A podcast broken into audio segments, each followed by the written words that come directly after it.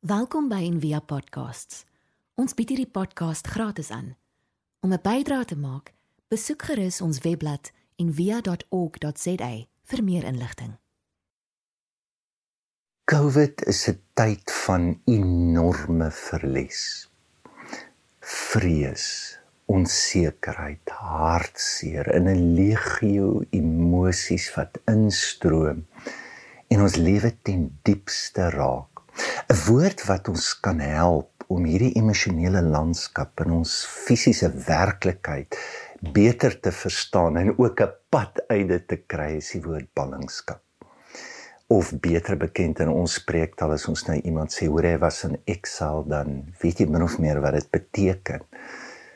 Die totale ineenstorting van jou rotines van jou sekuriteit ehm um, van jou hoop en jy beland onder 'n aandklokreël of curfew wat eintlik jou die hele tyd herinner van al hierdie emosies wat jou lewe bedreig.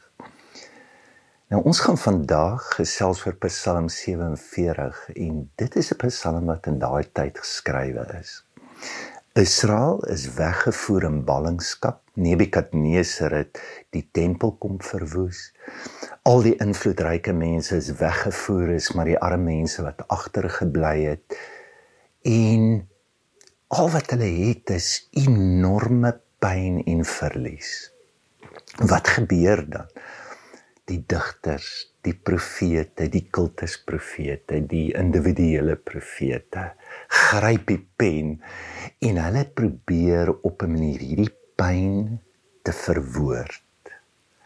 In boeke soos die boek Klaagliedere, Jesaja, Obadja, Jeremia en 'n klomp van die psalms kom in hierdie tyd tot stand wat vir ons 'n kyk en 'n blik gee van wat wat kan ons doen wanneer dit met ons gebeur. En wat baie interessant was in hierdie tyd kom die Joodse Torah tot stand. En die Torah is die eerste 5 boeke van die Bybel. En 'n Jood glo dat dis dis kanon. Dis die gesaghebende boeke van die Bybel. Die res van die Ou Testament is net kommentaar. En 'n mens kan sê dat 'n tyd van verlies is 'n verskriklike belangrike tyd en dit is waar die Here vir jou die gawe kan gee om die kanon van jou lewe vas te lê. En as jy hierdie skrywes lees, dan kom jy agter hulle verwoord baie keer net eksistensiële gevoelens. Maar dan baie van die skrywes is diep teologiese perspektiewe wat jy agterkom baie tyd, baie aandag, baie denke, baie gebed is in daardie denke in en dit gee vir ons wistas op ons ballingskap en wat ons moontlik kan doen. As jy net so ietsie oor eksistensiële gevoelens, as jy nou byvoorbeeld Psalm 137 lees. Nou ek onthou ek was in graad 8 en toe Bonnie M Rivers of Babylon skryf en dit was soort van soos die grootste hit wat daar was. Ons het gedans op dit elke sokkie totdat die doom nie agtergekom het dis 'n Psalm en toe kon ons nie meer daarop dans nie. Uh maar dis dis 'n voorbeeld net van eksistensiële gevoelens wat verwoord word. Wat hy sê maar ons sit by die riviere van Babylon, ons huil en ons verlang na Sion. Maar as jy die Psalm lees, die laaste versie, hoor jy so gelukkig is die man wat ook 'n kind kan vat en sy kop stikken slaan op die rots. Sê dis nie teologiese leiding wat jy moet kry en vir enige iemand wat nou letterlik met die Bybel werk wat baie mense voor lief is, is dit gewoonlik die verse wat ons net ignoreer. Maar al wat dit is, dis wat ek voel. Dis enorme woede. Ek wil hierdie mense se kinders doodmaak, is eintlik wat hy sê. Nou Psalm 47 is in dieselfde tyd skryf, bietjie later, so hulle is besig om uit die ballingskap nou uit te kom. En dit is amper 'n refleksie op wat gebeur het. En die boodskap is eenvoudig. Hier's die ballingskap en hier's God. En ons het albei nodig. Wil jy nie albei vat nie?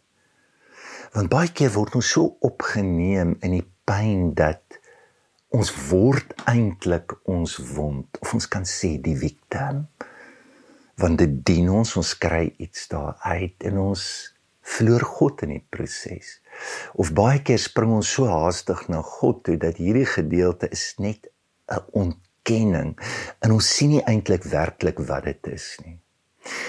Ek wil dit so probeer verduidelik um, my lewe is soos 'n bus en ek sal met ander mense op hierdie bus. En daar's blinders op hierdie bus en hulle is afgetrek en dat die lewe beloof my jy gaan nou op met hierdie berg ry en um, dan sal daai blinders opgelig word en dan sal jy die lewe kan sien soos wat dit is. Maar op hierdie pad is daar 'n paar hobbels en die bus breek en nie goed. En later ons kry seer op die bus en later beklei ons oor die noodhulpkussie en wie kry en wie kry nie. En later wie die gemaklike sitplekke of die belangrike sitplekke. En ons vergeet om die blinders op te lig. En ek wil drie blinders noem vandag in jou ballingskap. Jy sal moet terugkyk met daai blinder oplig Jy moet kyk wie saam met jou en wie se om jou. En dan moet jy ook vorentoe kan kyk. Kom selfs net oor die eerste een. Wat hierdie Psalm ons leer is dat jy terugkyk met aanvaarding. Wat gaan hoe groot wees as jy nie met aanvaarding kyk nie, is met ontkenning. In ons lewe in so 'n kultuur. Ons het net plek vir sterk mense. Ons het nie plek vir swakkelinge, ons het plek vir wenners en nie verloorders nie. En wat hierdie Psalm doen is, hy sê die hoor dit was nie so erg in daai tyd julle is nou besig om te kyk het, het julle gesien. Dis nie 'n Psalm wat sê hoorie, is omdat julle julle sondig sien en nou help die Here julle.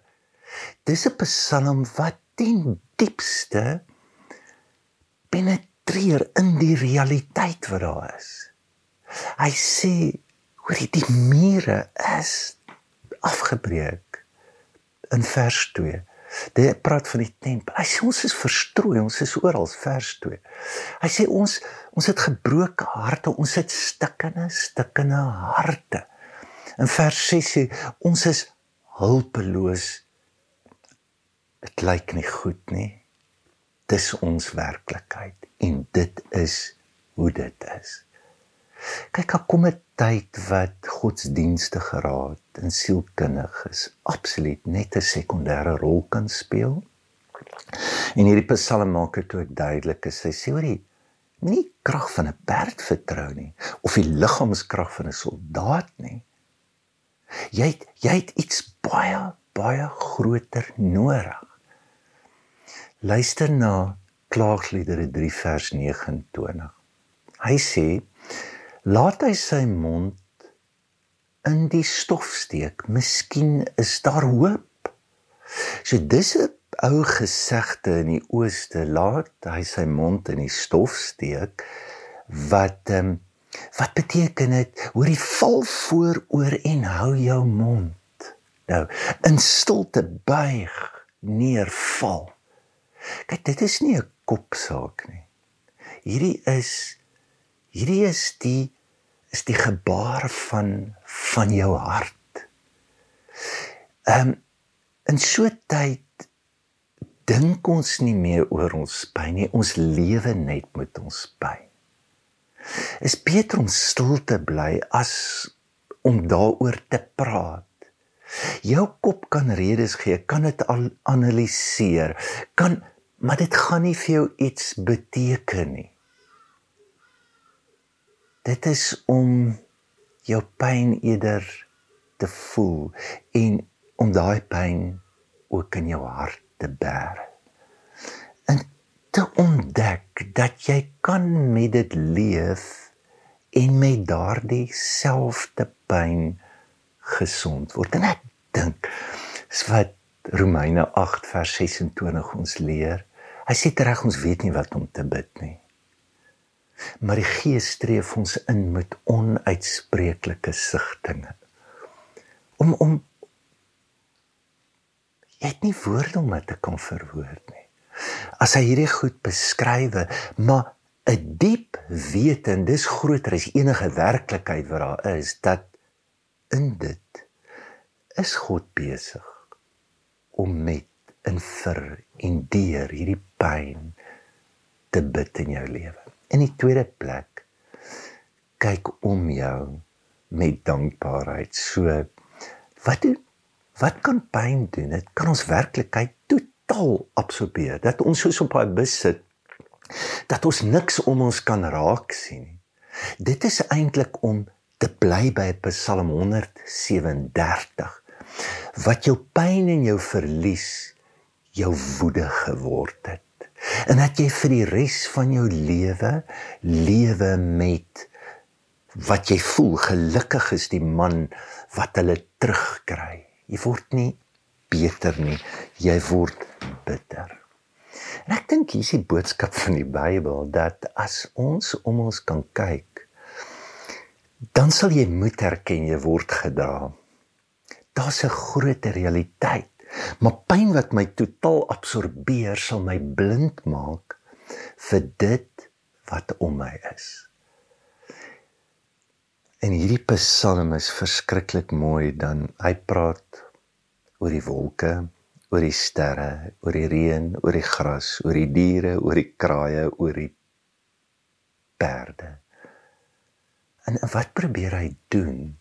Hy probeer jou bewus maak van God se sorg wat eintlik so naby is ten spyte van God se sorg.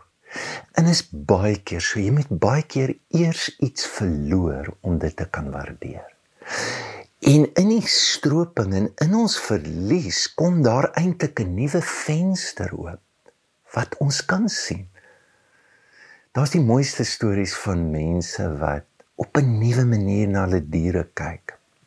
Op 'n nuwe manier na kos kyk.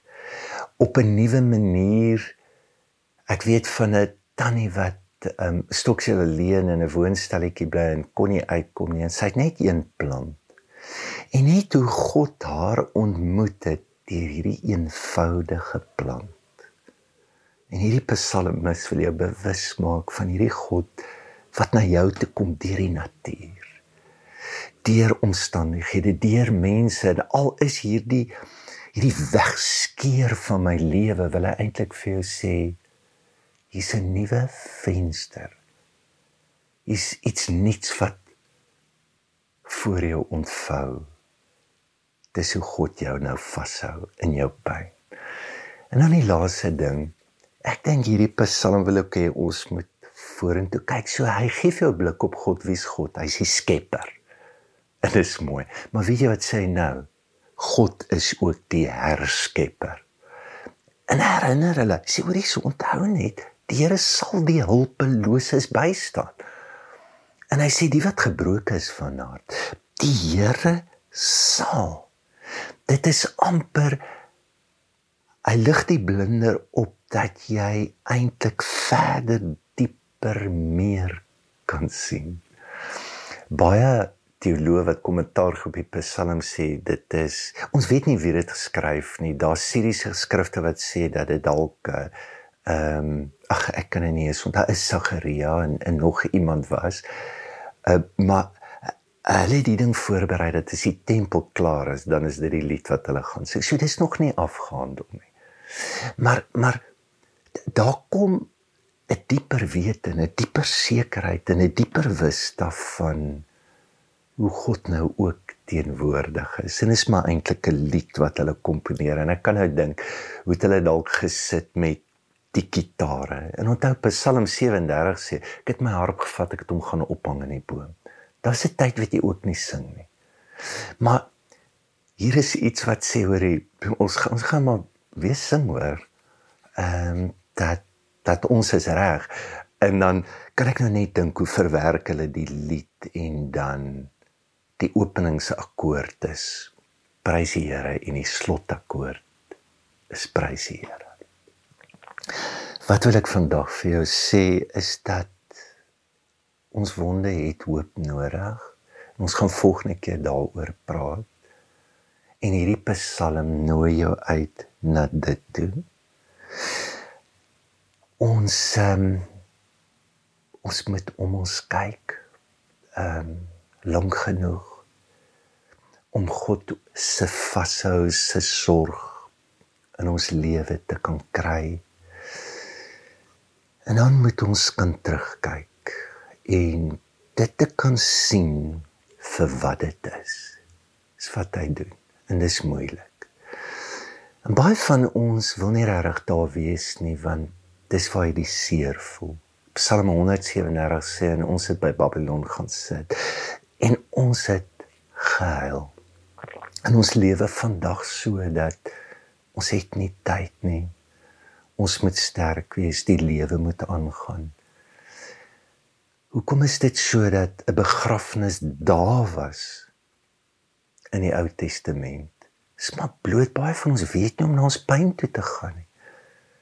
Hoekom het hulle mense gehuur om te kom huil, so om jou te help want ons is baie keer so ver, so stomp afgesny van wat dit werklik is want ons beskerm onsself teen dit dat ons weet nie hoe nie.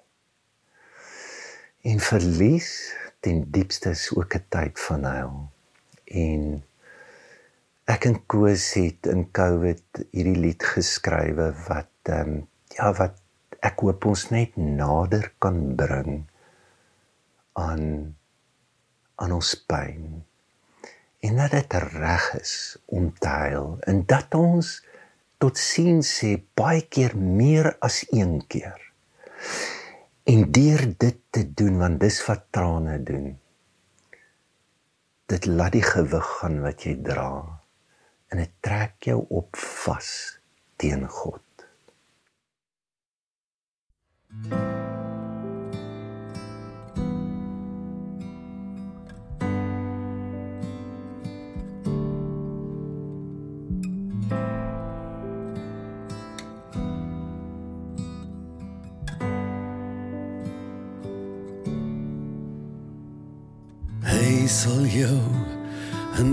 Trane was heil jou maar nou tot teen hom vas. Die rou die seer maak heel en sag terwyl jy stukkend op hom wag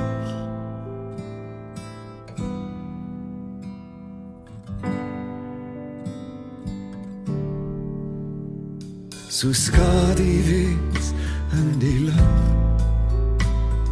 sal donker skaam voor hom moet swig by hom moet weggaan weer koms raak so sal hy met jou hart seer maak.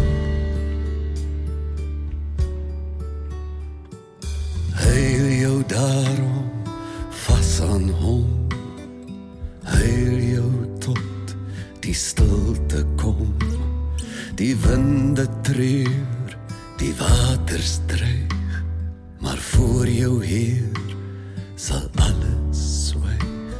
Wat wind of see of waters is jou storms ook kom daar tot rus. 'n sterker arms om jou vou en groter hande huil maar nou. So skadu wees in die lig sal donker skaam voor hom moet so by hom moet weggaan weer koms raak. So sal hy met jou hart seer maak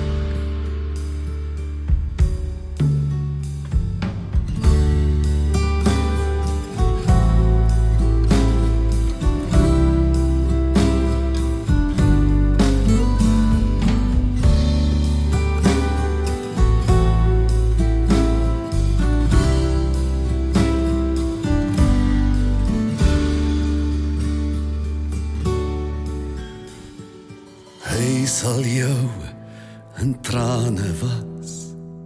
Heil jou maar nou tot teen hom vas. Die rou die seer maak heel en sag. Terwyl jy stukken